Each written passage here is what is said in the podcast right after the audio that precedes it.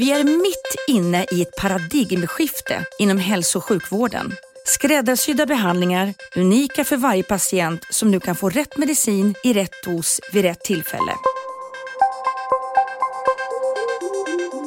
Sjukdomar som tidigare inte alls gick att behandla kan nu förhindras, bromsas eller botas. Jag pratar om precisionsmediciner. Men som kräver en helt annan kunskap och infrastruktur än andra traditionella behandlingar. Hur tar vi i Sverige vara på de här nya medicinska möjligheterna? Du lyssnar på Genterapipodden med mig, Elinor Persson. Och I den här serien ska vi fördjupa oss i hur svensk hälso och sjukvård kan ta till sig de nya behandlingarna, hur vi ska hitta patienterna och hur vi ska värdera behandlingar vars effekter vi ser över lång tid.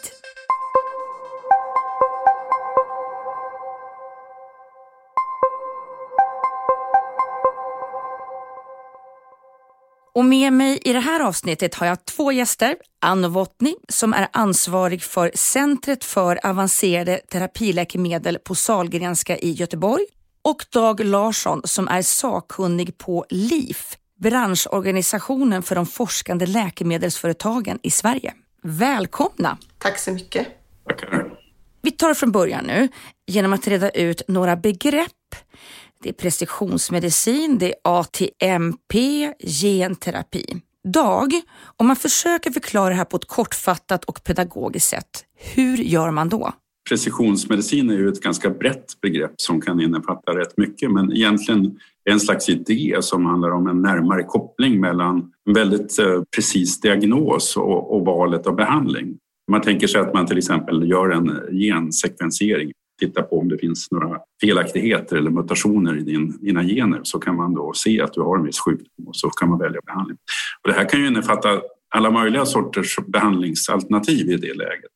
Sen så finns det den andra delen som är en stor del av det här som är det som kallas för avancerade terapier, eller cell och genterapi men även vävnadstekniska produkter. Och det är ju mera format utifrån tanken att det är väldigt specifika typer av behandlingsalternativ. Det här är ju i, i stor utsträckning överlappande begrepp så att eh, i den allmänna diskussionen så pratar man om både precisionsmedicin och, och ATMP eller avancerade terapier. Jag tänker att det är ganska bra att hålla isär de här begreppen eftersom precisionsmedicin är mycket mer en systemfråga och avancerade terapier är i stor utsträckning enskilda produkter som passar in i ett sådant system.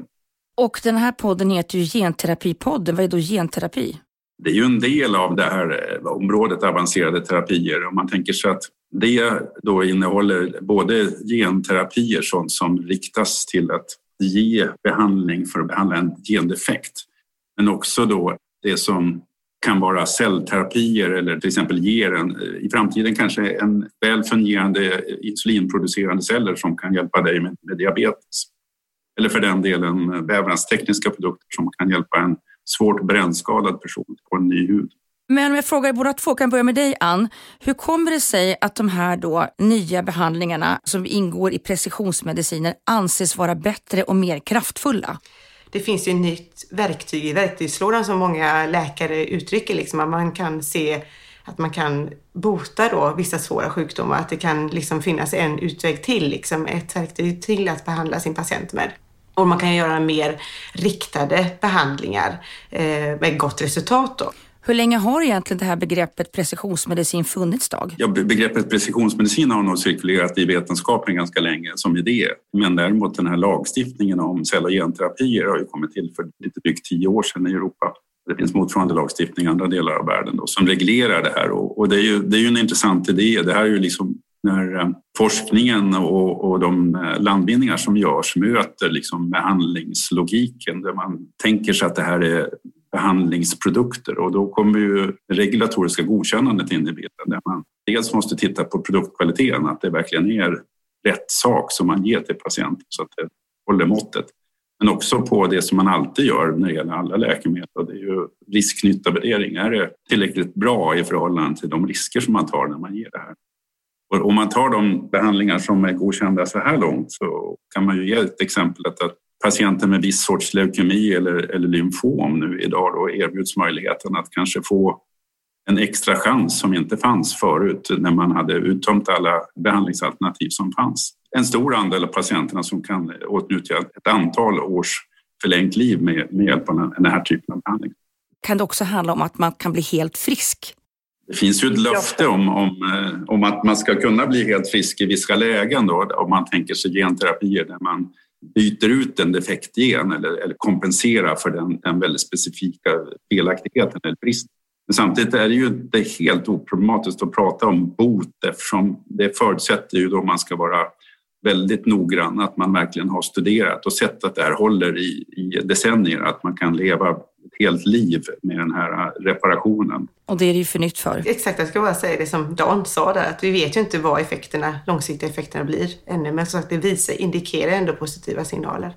Men ska du berätta då om ert nya centrum för avancerade terapiläkemedel i Göteborg? Ja, Tanken är att vi ska vara som en länk mellan företagen och sjukvården så att företagen ska känna en trygghet när de vänder sig till det här centret nu då så att de får bättre ingång till sjukvården medan då verksamheterna inom sjukvården kan få en länk till företagen så att de kan mer fokusera på patienten och behandlingarna. Eh, att det finns en etablerad process som alla känner till och det är väl egentligen det. Och informera också om ATMP. Det är också en viktig del i vårt arbete just nu initialt för att eh, många verksamheter känner inte till begreppet ATMP och vad det innebär och då kanske man också ryggar tillbaka lite.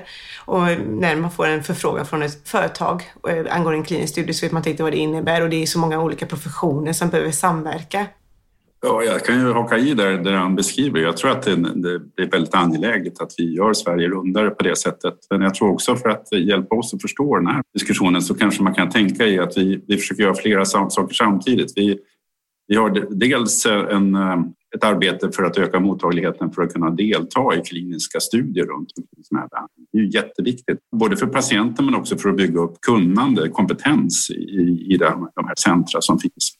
Men sen har vi också en, en i samband med det också en, en life science-fundering som handlar om att vi gärna vill få möjligheter att bygga upp företag och göra rätt saker, hjälpa dem och, och, och, där det finns en konkurrensfråga mellan Sverige och andra länder i det här området. Den tredje delen är egentligen dit vi kommer nu. Då. Vad behöver vården göra för att förbereda sig för att kunna bli mer mottaglig till det här. Så att om man tänker hålla isär de där tre perspektiven så kanske det blir lättare då. Och varför behöver det vara så krångligt alla de här avtalen? Varför funkar det på när det är vanliga läkemedel inte här? Jag tror att det kanske är viktigt att inse att det här är ju rätt så krångliga behandlingar i, i praktisk bemärkelse och dessutom så överlappar på ett helt nytt sätt då vårdens vanliga ansvar för patienten med företagets ansvar för kvaliteten i sin produkt något som man då ska svara gentemot Läkemedelsverket eller den europeiska myndigheten för att kvaliteten kan upprätthållas. Då. Det innebär att man måste samverka på ett helt nytt sätt. Då. Vi ser framåt också att det kanske inte behöver vara så krångligt. Det vården behöver göra det är väl två saker. Dels så måste man ju ha, rigga liksom mottagligheten rent praktiskt. Det måste finnas kunskap och, och någonstans att vända sig och det måste finnas ett sätt att identifiera de här patienterna till exempel nyföddhetsscreening, att det läggs till screeningprogram som finns för att identifiera sjukdom innan symptom uppträder. Och, eh, sen är det då hela den här praktiska hanteringen som handlar om ja, hur mycket är det värt att betala för de här den hälsoekonomiska delen av det hela och, och, så till slut så ska man ju naturligtvis ha en budget på sjukhuset också för att göra det. Och det ska vi också prata om i senare avsnitt. Men det är svårt att värdera ett läkemedel när allting är så nytt. Men hur länge har vi kunnat följa patienterna? Ja, de, de, de här två godkända läkemedlen är ju bara en del av den historien, eller det svaret egentligen. Och där tror jag att man är uppe i väl över tre års uppföljning av de patienter som har ingått i underlaget för registreringsgodkännandet. Och sen så har det ju, här är det lite utmanande faktiskt för att det är någon slags paradox i, i svensk vård här. Vi har fantastiska forskare som identifierar de här möjligheterna väldigt tidigt. Faktum är att, att man från Akademiska sjukhuset i Uppsala skickade en doktorand till Baylor College för länge sedan och tog hem kunnandet om hur man gör det här och behandlade den första CAR-T-patienten som en slags ATMP då i Uppsala. Den första sån patient överhuvudtaget i Europa. Men nu ligger vi ganska långt efter förmågan att hantera de här juridiska frågorna som han beskrev och, och, och även att liksom implementeringsprocesserna i vården om man jämför med andra länder i Europa som har exakt samma tidpunkt för godkännandet så sackar vi efter. får man funderar fundera på vad det kan bero på, men en del av, av utmaningen ligger ju i att vi har 21 sjukvårdshuvudmän som ska enas om, om hanteringen här på ett eller annat sätt. Nu hör jag att ni båda pratar om olika utmaningar här. En utmaning är kunskap eller kunskapsbrist. Var finns den här kunskapsbristen skulle ni säga? Ja, kunskapen har ju byggts upp eh, via den här då satsningen som Vinnova gjort, som vi sitter, den grupperingen som vi har fått till oss den kunskapen inom området. Vi har ju företagen som, de har ju sin kunskap för de har stött på utmaningar och utmaningar gör att vi kan ta tillvara vad ska vi gå vidare med. Sen tror jag att eh, vi har ett regelverk att förhålla oss till som Dag nämnde, som är en ATMP-förordning som ligger till grund bland annat för detta. Liksom. Och den kunskapen om det regelverket är också viktigt att det sprids och att man får kännedom om det för forskaren ska kunna veta vilka steg den ska göras.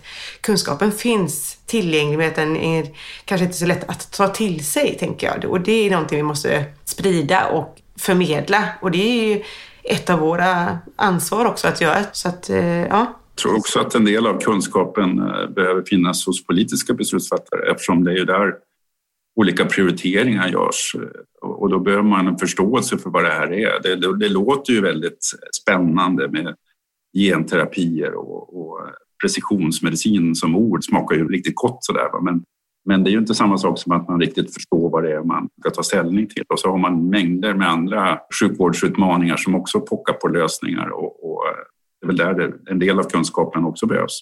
Jag brukar tänka att politikerna är ju våra folkvalda, allmänhetens företrädare. Då måste man ju försöka hitta fram till dem och förstå det här i kontexten av allting annat som de ska ta ställning till på ett väldigt begripligt sätt också. Så att vi, vi har ju en, en, ett sådant uppdrag tror jag mellan, mellan sådana funktioner som, som man representerar men också företagsperspektivet som jag representerar. Forskarna, klinikerna för den delen också har har ett uppdrag i det att vara pedagogiska. Nej, men det var det, var det jag skulle säga. Vi har ju liksom eh, vi har ett life science-kontor som är etablerat av regeringen och där finns ju bland annat en samverkansgrupp för hälso och life science-delar. Och där finns ju bland annat en arbetsgrupp eh, av fyra som är inom precisionsmedicin då och där finns ju en ATMP-grupp och den har ju i sin tur också nu då blivit, har vi kopplat upp oss mot de redan befintliga satsningarna så vi ska inte bli att det blir olika stuprör utan vi tillsammans samverkar och då på det sättet kan vi också föra informationen och kunskapen vidare liksom i högre in, inom politiker och regering känner jag. Så att jag tänker att vi, vi är medvetna om att den kan vara bristfällig men vi försöker också se till så att informationen kommer ut och att det inte blir stuprörsarbete heller längre. Hur funkar egentligen liksom samarbetet mellan alla de här stuprören? Eh, från början, om man tittar ett år tillbaka, så tror jag många ja, regioner satt själva och jobbade, de som var på golvet om man säger så, som satt med de här frågorna och brottades med det här och inte hade någon att bolla med. Liksom. Man visste inte hur man skulle ta hand om sin produkt eller med mera. Men sen när vi öppnar upp möjligheten att skapa olika nätverk, för det har vi sett har varit en väldigt bra tillgång för dem att kunna dela med sig av erfarenheter. Tillsammans så kan de här olika representanterna från universitetssjukhusen inom viss kategori träffas och dela med sig av erfarenheter och bolla och även lyfta. För det räcker inte att man sitter själv på sin egen, liksom, inom sin egen region och inte vet hur man ska ta sig an det hela om man inte vet hur, man kan, hur andra regioner har löst det hela och hur andra regioner har brottats med det. Så jag tänker, via de här etablerade nätverken som vi har gjort några stycken under årets gång så har vi sett att det har blivit en positiv effekt. En annan utmaning som du nämnde Dag är det här med alla dessa regioner. Hur viktigt är det att få med alla regioner? Ja, vi, det gäller flera av de här frågorna som vi har diskuterat bland annat, liksom hur, som nu är på tapeten kring det här med eh, kvalificeringsavtal och mera, som, och hur företagen kommer där med att man vill att man ska kvalificera sin verksamhet med mera och då är det väldigt viktigt att att regionerna är enade, att man har diskuterat vad, vad, är, vad är möjligt att ställa sig bakom så att inte det blir för stor påverkan till exempel på den vanliga normala sjukvårdsverksamheten som bedrivs. Och som sagt, olika regioner hade olika kunskap och olika erfarenheter av den här typen av eh, terapier. Men då såg vi att det var väsentligt att vi först enade oss kring detta så att vi kan sen bemöta då och vi vill bjuda in och ha dialog och vi har redan haft via en workshop bland annat under hösten som både Dag var med på och flera representanter från företag var med på. Vi lyssnade in företag och de fick dela med sig av den kunskap och erfarenhet de har lärt sig när de har knackat på dörren här i Sverige. Liksom. Men det är viktigt att vi kan tillsammans stå eh, för att kunna bemöta företagen på ett bättre sätt. Och det är bland annat med det här med avtal också, biten att vi säger att innan vi bjuder in eh, jurister från företagen med mera så vill vi också att vi är enade, alltså nationellt, regionerna sinsemellan. Dag, håller du med om att det är viktigt att regioner är enade? Ja, jag tror att man får se den här frågan i, i flera olika nivåer så att säga och, och det han beskriver att det, offentliga, eller det offentliga vård-Sverige då försöker samordna sig så man har en gemensam hållning utifrån det praktiska perspektivet en, en nödvändighet. Så, samtidigt som det, man kan ju fundera lite filosofiskt om det där. Eh, vad enas man runt då? Är det en, en minsta gemensamma nämnare, det vill säga att så, så här mycket klarar vi, mer får det inte vara. Eller är det ett uttryck för en gemensam ambitionsnivå? Det här är den vård vi skulle vilja erbjuda i en av världens rikaste sjukvårdsländer trots allt. Det finns en risk i, i den eh, hållningen att man det blir den som har, har det mest knapert i kusinskaran som får sätta standarden och så får man stanna där. Så jag tror att det behövs liksom en, en bredare, mer öppen diskussion om prioriteringar.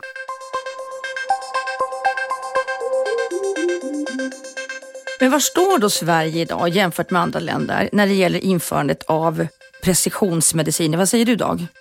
Jag är lite orolig för att vi, vi är lite för långsamma på att hantera de här utmaningarna, de här frågorna som uppstår. Vad, vad det beror på vet jag inte riktigt, men, men det, är ju, det är ju uppenbart om man tittar runt att eh, andra länder klarar av det på något sätt. Och det, innebär, det, det säger mig i varje fall att avtalsfrågorna går ju uppenbarligen att hantera. De här praktiska processerna, hur man hanterar eh, cellmaterialet som man skördar från en patient som man sedan då stoppar in i produktionen av produkten. Det går ju uppenbarligen att hantera. Det här är ju inte bara sagt utifrån perspektivet att företagen är sugna på att få omsättning av sina produkter utan jag tror att vi behöver påminna oss hela tiden om att det här är patienter, de här leukemi och lymfompatienterna som är aktuella för CAR-T-behandling. De har ju inte på något enda sätt tid att vänta för att eh, vi vet alla vad ödet blir om de inte får den här sista halmstrået. Håller du med Anna att det går för långsamt? Ja, men det eh, just nu, men som sagt, jag tänker mig att sedan tre år tillbaka har vi ändå tagit tag i det och börjat identifiera. Men jag tror vi har varit lite sena på bollen om man säger så, i det syftet. För vi vet ju med oss nu också, både Dag och jag vet om att flera av företag har valt att inte lägga studier här i Sverige på grund av att det går för långsamt. Och då, då det är viktigt att vi i ett land har en samsyn nationellt liksom kring detta och att vi inte är någon konkurrens mellan sjukvården, vem som får eh, behandla patienter, utan att tillsammans ser som ett enat Sverige.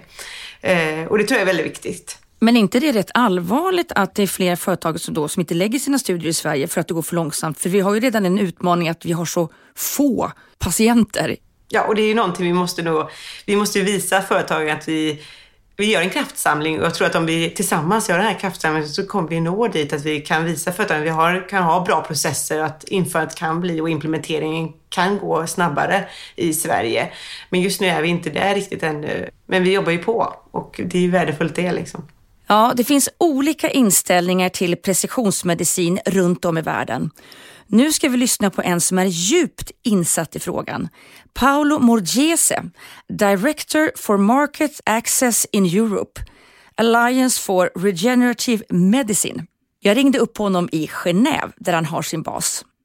So the Alliance for Regenerative Medicine, ARM, is an international alliance that brings together close to 400 organizations, all active in the advanced therapy space. So our objective is really to advance the sector and promote advanced therapies across the world. It's an organization that brings together both stakeholders from very different groups, including industry, patient organizations, academic centers, and other groups. So, what do you see? Focus on Europe and the US. We we have seen and you know these new therapies, so advanced therapies, basically making their way through both in terms of um, science and research, and then you know up to patients in the last few years. So we have seen a lot of changes happening both in the US and in Europe and in general globally, basically to give these therapies, let's say, the right place and you know in, in basically addressing very very serious diseases. So the, um, what we have seen is really the healthcare environment has been changing and adapting, basically being fit for for these therapies. And about the changing, do you think it takes too long time? It takes time because if you look at the healthcare system, healthcare authorities, bodies, regulators, and also on, on the pricing reimbursement side, they are set for traditional drugs that are often are treatments that you take over time that are developed in a certain way and, and are very different from, from cell and gene therapies. So it takes time and a lot of effort to adapt the system to these new therapies, both in terms of the organization, you know, how healthcare is done, but also how this is regulated and, and price reimbursement. So what are countries doing? For example, in the UK, um, you know, I'm, I'm focusing a bit on, on Europe now. In the UK, in the last years, and this has been uh, driven from you know both private but also government initiatives. The government has invested in manufacturing, um, supporting facilities have been set up for companies that were developing their treatments, and also the whole system has thought about how to adapt to these new therapies. So you have seen developing initiatives looking at how center treatment centers will change their, their way of administering, providing this treatment. NICE, that is the body in the UK that looks at assessing uh, new drugs for reimbursement purposes, have adapted their, you know, and they're in the process of changing their methods. Basically, uh, healthcare players have looked at how they could change their the way of doing things as they were doing before. And you have similar examples in new payment models look at way to, to spread the payment that in that case would be very high. So that that's an important aspect that countries are looking at ways to change it to make it possible. And this happens uh, all around Europe, basically. Is UK the leading country? Uh, the different thing compared to other countries is that the UK have taken an approach that was really uh, looking at all the relevant aspects, both at manufacturing, and you know research how to do clinical trials how to collect data how to reimburse for these drugs. So it's it's a very holistic approach. But um, i would say that there are other countries that are innovating a lot. Um, for example germany's sick funds are introducing more and more the GBA, that is a body that is that assess new drugs for reimbursement purposes, they're introducing, for example, data collection for new drugs and reimbursement. So this is basically what is called in the jargon is called a real world evidence collection, meaning that instead of basing all the decisions on randomized clinical trial, that is the traditional way to develop evidence for, for drugs for reimbursement purposes, you collect data in the real life. So after treatment and patients, you follow patients over time, and that allows to basically update the knowledge that we have of these drugs, long-term effect but also to link it to payment model. So you pay as long as, as the drug works for the specific patient. Okay, so we need new policies to make sure we really take advantage of these therapies. Why do we need that? We need that because all that we do now is based on drugs that are provided regularly. Like the pill, you take the pill, you stop taking the pill, and the effect of the pill stops. So clinical trials done for pills are done on a limited time frame. So you look at the effect that is, for example, clinical trial that lasts one year. So you look at the fact over the one year, and pricing reimbursement bodies normally have that time frame as a reference for their decision. So if you want to get a reimbursement or claim an effect that is longer than that, you normally are asked to, to provide evidence over a long term uh, time frame. So these drugs, like gene therapies, that have a long-term effect that could last years or even lifetime. Of course, they don't have this evidence at launch. So um, the system needs to adapt for using longer-term data developed in the real life, and that's possible only you know changing how the assessment works now and, and, uh, basically adopting new methods for assessing efficacy of drugs. Ja, Paolo Morgese ifrån Alliance for Regenerative Medicine. Ann, vad tänker du när du hör Paolo? Ja, Det stämmer ju bra det han nämner att eh, England har gjort en stor satsning eh, inom området och har fått med alla delarna liksom. Fått med både det här med tillverkning, bättre förutsättningar för kliniska studier med mera. Och det är någonting vi vet om och vi tittar ju lite på hur de har gjort det, men de har fått bättre förutsättningar också Eh, med finansiering, vilket då ger det också en bättre muskel att arbeta vidare med, men det är någonting som vi är medvetna om och vi känner också till deras ATTC, det vill säga Advanced Therapy Treatment Center. Och det är väl någonting som vi tittar på nu att se att våra sådana här ATMP-center som vi försöker etablera vid universitetssjukhusen är någonting vi försöker se hur kan vi få några synergier och se om det kan efterlikna lite av den delen. Så vi, vi har ju eh, England, om man säger så, i, och tittar på hur de har gjort. Så jag tänker det, det var en bra beskrivning av det han gjorde. Jag tycker också det. Jag tycker de valde ett väldigt uh, talande namn eller benämning. Programmet i England kallas för Katapult. Det tycker jag säger rätt mycket. De ville göra något riktigt rejält och mm. apropå det jag var inne på tidigare, någon slags ambitionsnivå. Uh, men inte ens England är ju utan utmaningar när det gäller uh, som implementeringen i sjukvården om man nu fokusera på de färdiga produkterna. Där är vi ju inne i en Regeringen har gett ett uppdrag till vår pris och subventionsmyndighet TLV då, att, att titta på just eh, hur man ska värdera de här, den här typen av utmaningar som uppstår med, med, med det här kort behandling av lång effekt.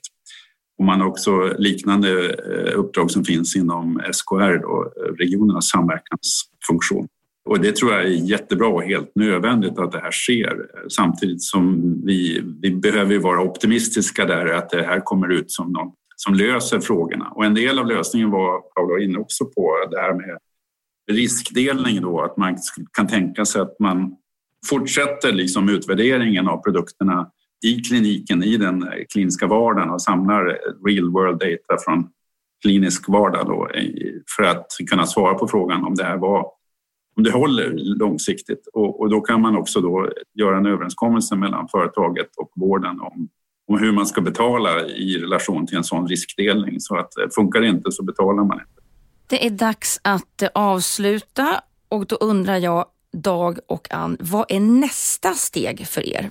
Nästa steg är väl att vi får löst några av de infrastrukturella utmaningar som vi står för så vi kan sätta någonting i verket, tänker jag. Men, eh, så det är väl nästa steg, att vi ser att det, det arbete vi gör nu kan ge ett resultat som då kan ge, komma patienten till godo tänker jag.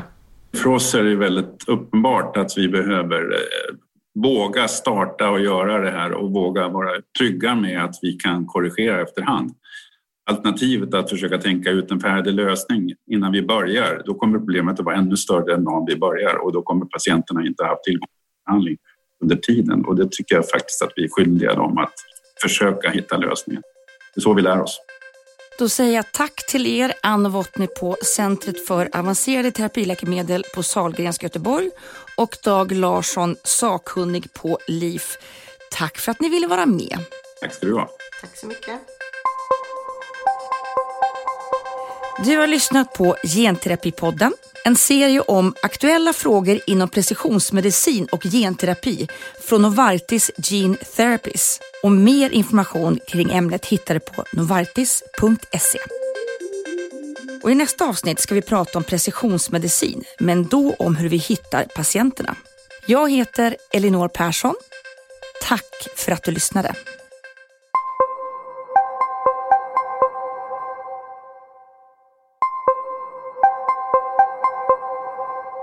Genterapipodden produceras av Filt Hinterland i samarbete med Reformklubben för Novartis Gene Therapies.